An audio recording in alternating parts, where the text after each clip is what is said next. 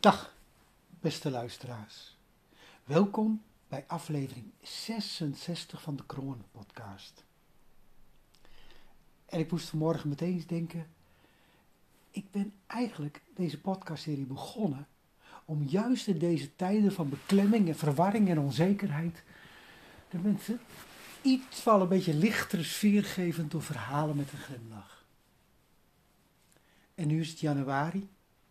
We zijn bang voor de derde golf met de Engelse variant. De maatregelen zijn verzwaard. Een avondklok komt er misschien aan. Je mag minder mensen ontmoeten. En toen dacht ik van ja, dan is de tijd helemaal gekomen. Om weer eens een keer extra aandacht aan te besteden aan verhalen met de glimlach. Aan verhalen waar het kan blijken dat het mogelijk is om uit ja, een periode van beklemming te kunnen breken. Vandaag de kloostervrijver. En ik kan alleen maar zeggen, geniet ervan. De kloostervijver. Het schijnt dat ooit een van mijn voorouders, dat zeggen ze tenminste, ooit een van mijn voorouders troubadour is geweest. Ik ken het wel. Zo'n figuur die verhalen, verhalen vertellend en zingend door de wereld gaat. En het heeft ook een hele grappige extra effect, want het ging niet alleen maar om het vermaak van de mensen samen, s'avonds in herbergen, bij, eh, bij, zeg maar, bij edellieden enzovoort, bij bijeenkomsten. Nee, je kon ook aan het troubadour iets vertellen, een boodschap geven. Bijvoorbeeld als je ergens komt, zing dat in jouw verhaal, voeg een kwatrijn toe en geef de boodschap door. En misschien wordt het opgepikt door degene, door degene aan wie ik het wil vertellen. Of wat helemaal mooi was. Ik ben mijn broer kwijtgeraakt. Of, of mijn dochter. En ik weet niet waar die zit. Dus als je een kwatrijn in jouw verhaal wil opnemen. Waar je bezinkt. Dat ik zo vreselijk graag wil dat mijn broer of mijn dochter, of wie ik maar kwijt ben, terug wil hebben, laat diegene contact op mij nemen. En zo was het troubadour. Ja, eigenlijk een soort met uh, sociale media avant la lettre. En het troubadour trok door de wereld. En hij trok van dis naar dis bij edelieden en van herberg naar herberg. En bijna overal was hij welkom. De mensen vonden het heerlijk om vermaakt te worden met prachtige verhalen en helemaal als ze half werden gezongen, of ook als ze zelf mochten ingrijpen. Maar als het, ja, zoals nu de winter was, of tegen de winter liep, denk maar even aan november en de nachten zijn koud. En je had nog geen plek waar je als troubadour, zoals mijn voorvader, een verhaal kon vertellen. En het werd al donker dan kon je toch een beetje ongerust maken.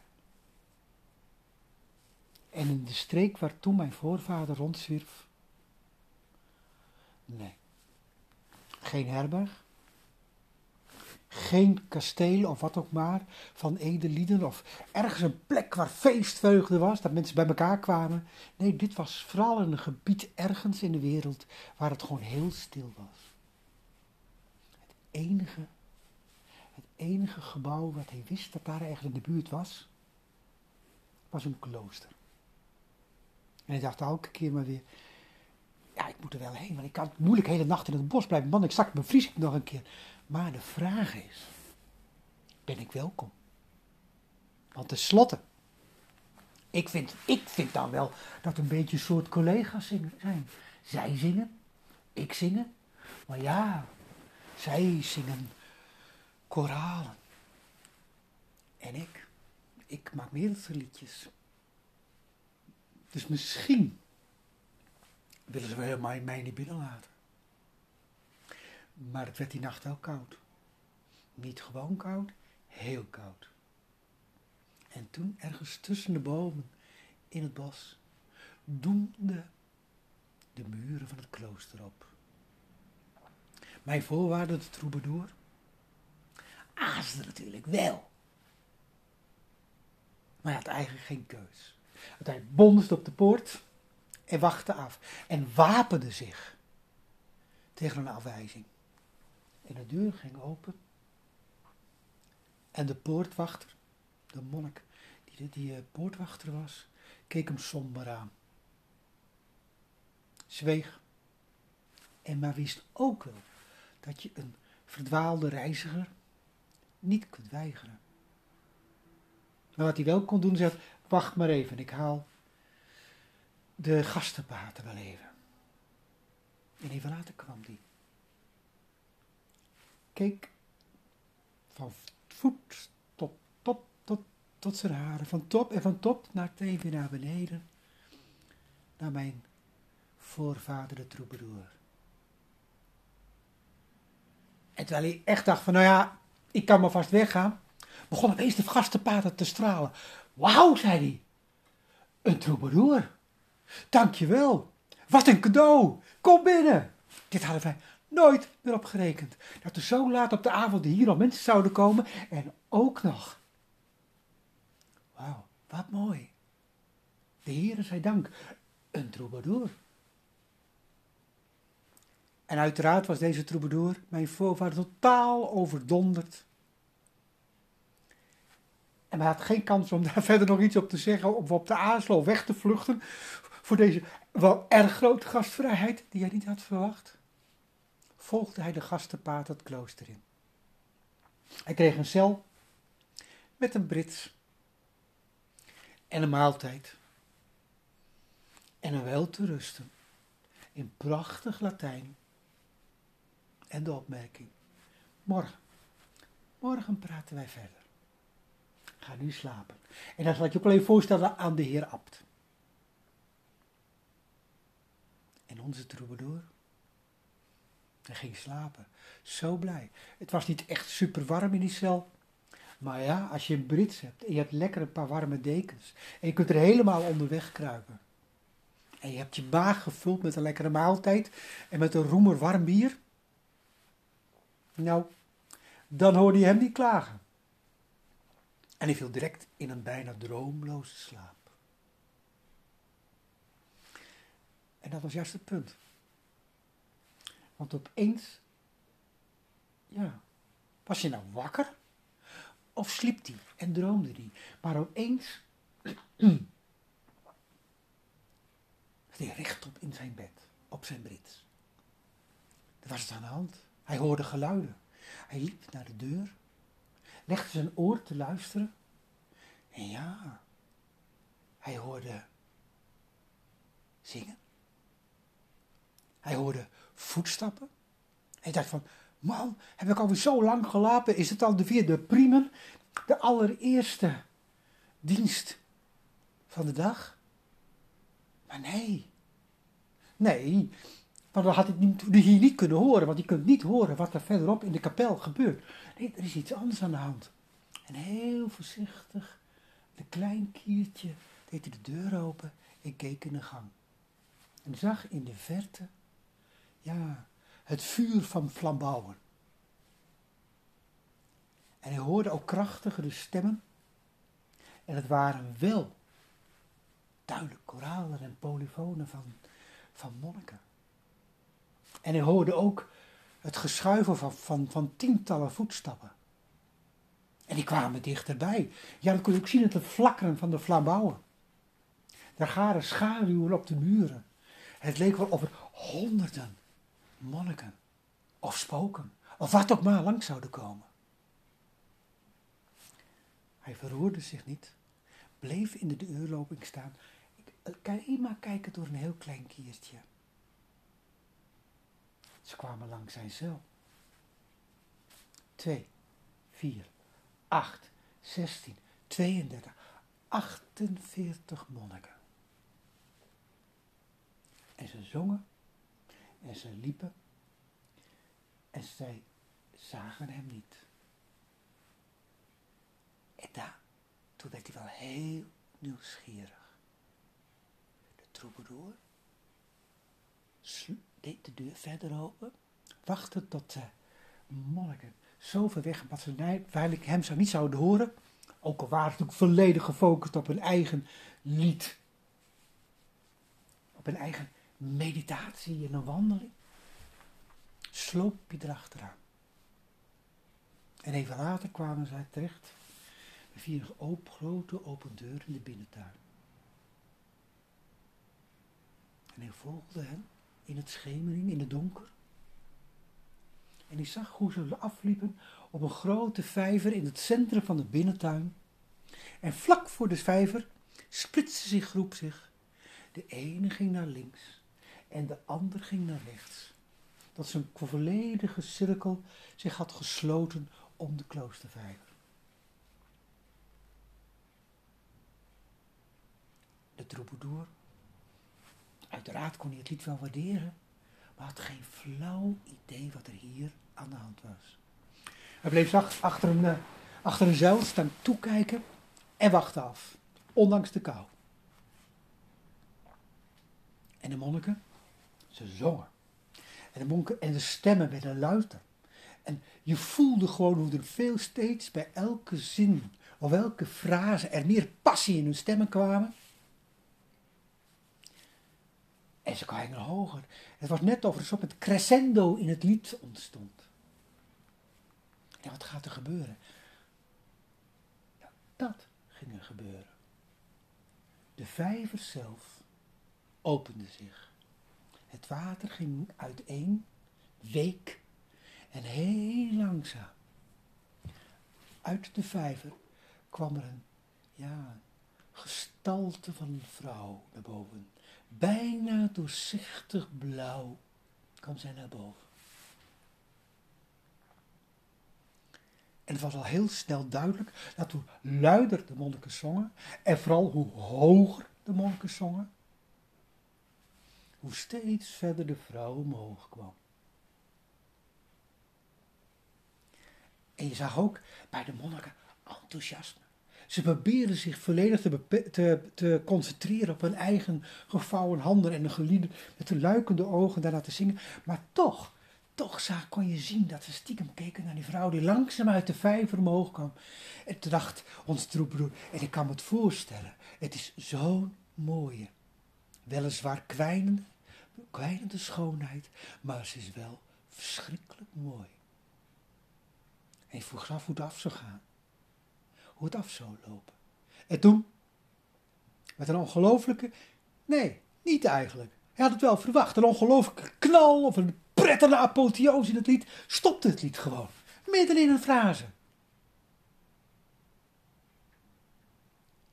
En de monniken keken allemaal naar beneden. Misschien wel aan eigen hand of aan eigen voeten, alsof ze de vrouw niet dorsten aan te kijken. En de vrouw zelf, je zag gewoon de pijn en het verdriet. En ook de wanhoop op haar gelaat versterken. En pssst, zakt zij terug in het water. Het water sloot over haar heen. En je voelde gewoon een diepe zucht van teleurstelling door de monniken gaan. En toen draaide ze zich om. En de kring werd weer een dubbele rij. Maar nu zonder gezang. Verdween de lange rij van 48 monniken door de zijdeur in de kloostergang. Langs zijn, zijn, uh, zijn cel terug naar waar ze vandaan kwamen. Het kostte onze troubadour echt nog wel een tijdje voordat hij in slaap kon vallen. Hij heeft de priemen en de secondennetje totaal overgeslagen. Niet dat hij ook behoefte aan had, maar hij dacht van uit beleefdheid zou je daar wel mee moeten doen. Nee, toen hij eindelijk in slaap viel, sliep hij door tot hij bij de tertsen ongeveer werd gewekt door de gastenpater. Zo, welkom, hij mocht mee, mee eten in de refter. Hij mocht op audiëntie bij de abt. En ook deze was blij dat hij er was. Dankjewel, troubadour. Weet u, misschien klinkt het vreemd, maar iemand zoals u hebben wij nodig.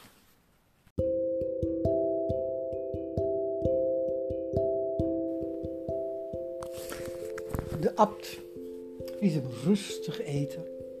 Dat is sowieso heel normaal in een refter. Het was in dit klooster heel normaal dat je dan zweeg.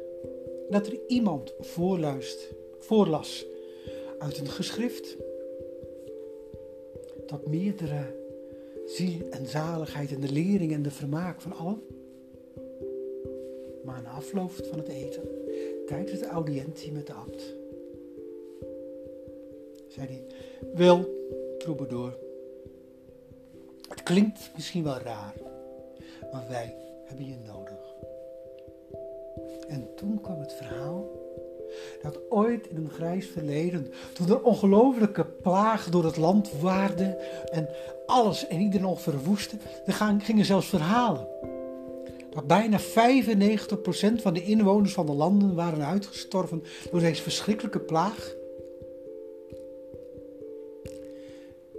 En uiteindelijk, toen ergens, het oordeel was geweest. Dat me namelijk één vrouw zeer fout was geweest. En dat zij even verdoemd zou zijn tot de bevolking weer was terug aangewassen tot oorspronkelijk aantal. Of, of, of, en misschien als dat niet zou lukken, dat ze ooit zou worden gered. Door iemand die de juiste spreuk zou weten, die haar zou verlossen van haar schuld en haar straf. Spreuk, dacht door. Ja, zei de abt, het is geen gewone spreuk. Het is een gezongen spreuk. En wij hebben als klooster de taak gehouden van deze vrouw om haar te redden. En ik weet dat je dat, misschien heb je vannacht al gemerkt, ik weet het niet. Maar midden in deze, deze, dit klooster, midden in de tuin, is een vijver. En ergens onder die vijver, daar zit deze vrouw. Voor eeuwig gestraft en eeuwig opgesloten. Ach, in een soort, wij noemen dat lockdown. Maar ze kan gered. We hebben een klooster overheen gebouwd. En we hebben een taak op ons genomen om iedereen te redden die het te redden valt. Het enige wat we nog niet wisten was de spreuk. We hebben ons best gedaan. En misschien weet je het niet, maar dit klooster bestaat al 460 jaar. En steeds zijn we bezig geweest door trial and error. Door zoeken en fouten maken en dan weer een tapje verder komen. Wat het juiste lied, wat het juiste gezongen spreuk zou moeten zijn.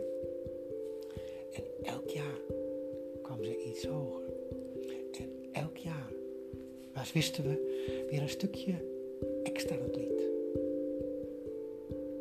Maar we hebben het nog nooit gevonden.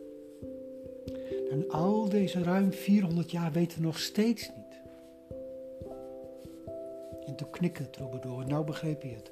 Daarom was de vrouw niet hoger gekomen dan ongeveer ergens tussen haar knieën en haar enkels. En toen was het lied gestopt en was ze zo binnen een paar seconden teruggezakt in, het, in de vijver naar weer haar kerker, haar lockdown.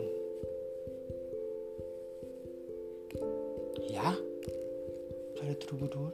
Maar wat is mijn rol? Ja, zei de abt, dat is nou precies waar het van ons om gaat. U. Ik zeg het speciaal niet voor niks. U als troubadour. U hebt zo'n ander zangtalent. U hebt zo'n ander vermogen om om te gaan met de muziek. We hebben eigenlijk de hoop. Als u nou eens zou willen meewerken. Als u nou eens op uw reis langs alle kloosters zou vragen, liederen zou verzamelen en die ons zou brengen, dan kunnen wij misschien nog een aantal extra akkoorden bedenken. Een aantal extra noten, omdat ze zelfs voor die laatste stukje boven de kwijver uit zou komen en bevrijd zou worden uit haar kerker en van haar straf. Ja, zei de door. Dat wil ik wel. Maar als ik er werk mee bezig ben, dan kan ik me helemaal niet meer concentreren op de dingen waar ik werkelijk mee bezig ben. Is namelijk mooie liederen maken, verhalen vertellen, uh, informatie meenemen van een het andere dorp. daar ben, ik wel een heel leven mee bezig voordat ik misschien nog een keer het echt die laatste bevind. U bent 440 jaar mee bezig geweest. Maar nou, maar als je nou eens alle kloosters zou langsgaan. En overal in de bibliotheek kunt, lezen, kunt, kunt uh, kijken. En gaat kijken of er in de folianten stukjes tekst staat. Stukjes meer. Nee, zei de troubadour. Dat wil ik niet. Daar ben ik meer aan het mensenleven alleen maar hiermee bezig. En hoe erg ik het ook vind. Voor deze vrouw. Daar kan ik niet. Daarvoor heb ik een onrustig hart. En toen zweeg de. Ja, we wisten het gewoon niet meer. Maar zou je dan iets voor hem kunnen doen, zei de abt. Ja, zei de troubadour met een lange aan. Ja. Ik geloof wel dat ik iets weet. Het is nu november. Straks in januari worden de nachten nog veel kouder. En pas in maart dan pas is het voor mij fijn om de deur uit te gaan en weer naar alle feesten te gaan. Als het leven weer, als, het, ja, dat, dat, als de wereld in dat leven komt. Als de mensen wil feest willen hebben en willen luisteren. Dus laat mij zo lang in dit klooster. Geef mij eten, geef mij drinken, geef mij goede plek om te slapen. En als tegenprestatie zal ik tot aan de lente komt meezingen in uw koor. En wie weet, die nacht werd de troubadour weer wakker. En hij hoorde de monniken eraan kwamen kopen, zingend en schuifelend en biddend en mediterend. En hij sloot zich aan bij hen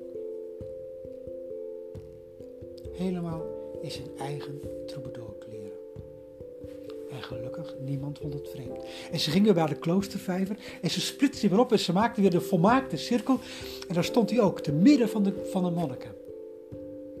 En vond het echt een heel aparte ervaring om voor de eerste keer in zijn leven al zijn muzikale kwaliteiten in te zetten voor een prachtig polyfoon. Een prachtig kerkelijk gezang. En hij werd ook gegrepen door de passie van de monnik. Het verlangen om eindelijk iets, een, straf te doorbreken. Gratie te kunnen gebieden aan iemand. Dat maakt ook niet wat ze precies fout had gedaan, maar dat ze gewoon gered kon worden. En dat was de essentie en de reden van hun bestaan. En hij zong vanaf de eerste noot. En hij hoopte dat de inspiratie zo groot zijn dat hij aan het eind. Wist dat niet. En op het exact dezelfde moment als alle andere monniken moest hij wel stoppen. En dan zag hij naar beneden. En dan keek hij naar hoe de vrouw nou nog echt nog ongeveer een 2, 3 seconden op het water stond. Ergens tussen haar knie en haar enkels die doorbraken het wateroppervlak en dan zakte ze weer terug met een razende snelheid.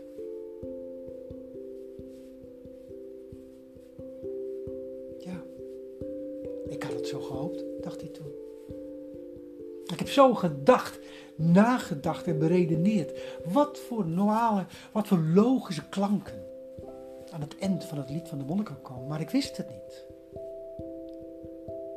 Met gebogen hoofd volgde hij de monniken, die tot zijn verbazing niet eens teleurgesteld waren. Ze hadden eigenlijk misschien wel niet anders verwacht. En ook de tweede nacht. En de derde nacht ging het zo. En de vierde nacht. Zo gingen het 49 nachten achter elkaar. En elke keer kwam de troubadour achter de monniken naar buiten. En begon te zingen. En begon te denken. En begon te wanhopen. Wat moet ik doen om deze vrouw te redden? Wat moet ik doen om iets extra's te zijn voor het lied dat deze monniken zingen? En elke nacht werd hij weer teleurgesteld. Ik moet toegeven, hij was diep onder de indruk van de monniken die hem niet verstoten, maar hem gewoon, ja, misschien moet ik wel zeggen, tolereerden in zijn mislukking. In het feit dat hij niet in staat was datgene als extra te bieden wat ze zo nodig hadden. En toen op de 49 dag besloot de, de troubadour eigenlijk al, dit is niet oké. Ik kan beter nu weggaan. Ik kan beter op zoek gaan en misschien een paar nachten in de kou slapen, maar dan tenminste ergens voorbij de wouden is een vastwilling kasteel en een open haard en edelieden en een feest waar ik eindelijk weer mij kan koesteren aan de vrolijkheid, koesteren aan de drank en koesteren aan, ja, het prachtige dingen, maar niet aan mijn mislukking, maar wat ik goed kan, troubadour zijn. En wat ik wel bereid ben, dacht hij, ik ga gewoon in een kwartrein elk, in elke plek waar ik dan kom en waar ik in ieder geval nog vreugde kan brengen, vertellen van dit verhaal. Dat ik op zoek ben naar. Dat ga ik morgen doen. En wist het zeker. En die nacht weer in processie. De troubadour achteraan. Ze kwamen weer bij de vijver. Eén groep ging naar links en de ander ging naar rechts. En ze sloten als totale cirkel om de vijver heen. En ze zongen weer. En wellicht, misschien, omdat mijn voorvader de troubadour reeds had besloten dat het toch zinloos was geworden. Dat elke inspanning niets zou opleveren. Dat hij gewoon enkel maar, ach, een keertje mee kon doen, omdat hij toch wegging. En misschien daardoor vergat hij wat hij eigenlijk zijn doel was. Hij stond bij de vijver en hij zag hoe langzaam de vrouw uit het water oprees. En hij voelde toch weer, ook deze nacht, de passie van de monniken omheen, die haar bijna met een lied op handen wilden dragen en verheffen. Misschien wat op, misschien wel hoger tot in de hemel. En de vrouw, de vrouw steeg op. Hoofd, met de ogen, haar neus, haar mond, haar kin, ah, haar schouders, haar, haar bijna doorzichtige blauwe kleren, haar doorschijnende gestalte, knieën, haar, haar kuit. En onze troubadour, in vervoering, sloot de ogen. En toen alle monniken in totale opperste frustratie stopten met hun lied, als enige zong hij door. Vraag mij niet wat hem heeft, wat hem, wat, wat heeft gebracht. Maar hij zong door. En zong ook nog de juiste, de juiste toon. De juiste akkoorden vond hij. En toen hij in een soort met jubelend einde het lied afronde en de ogen opende, zag hij de vrouw met haar voeten stevig geplant op het water staan. Weg was het kwijnende, weg was het verdriet, weg was de schuld en de boete, de wanhoop, de verlorenheid. Nee, het was alleen maar een serene blik. En een hand die werd uitgestoken. En een vrouw niets anders te doen dan ook zijn hand uit te stoken.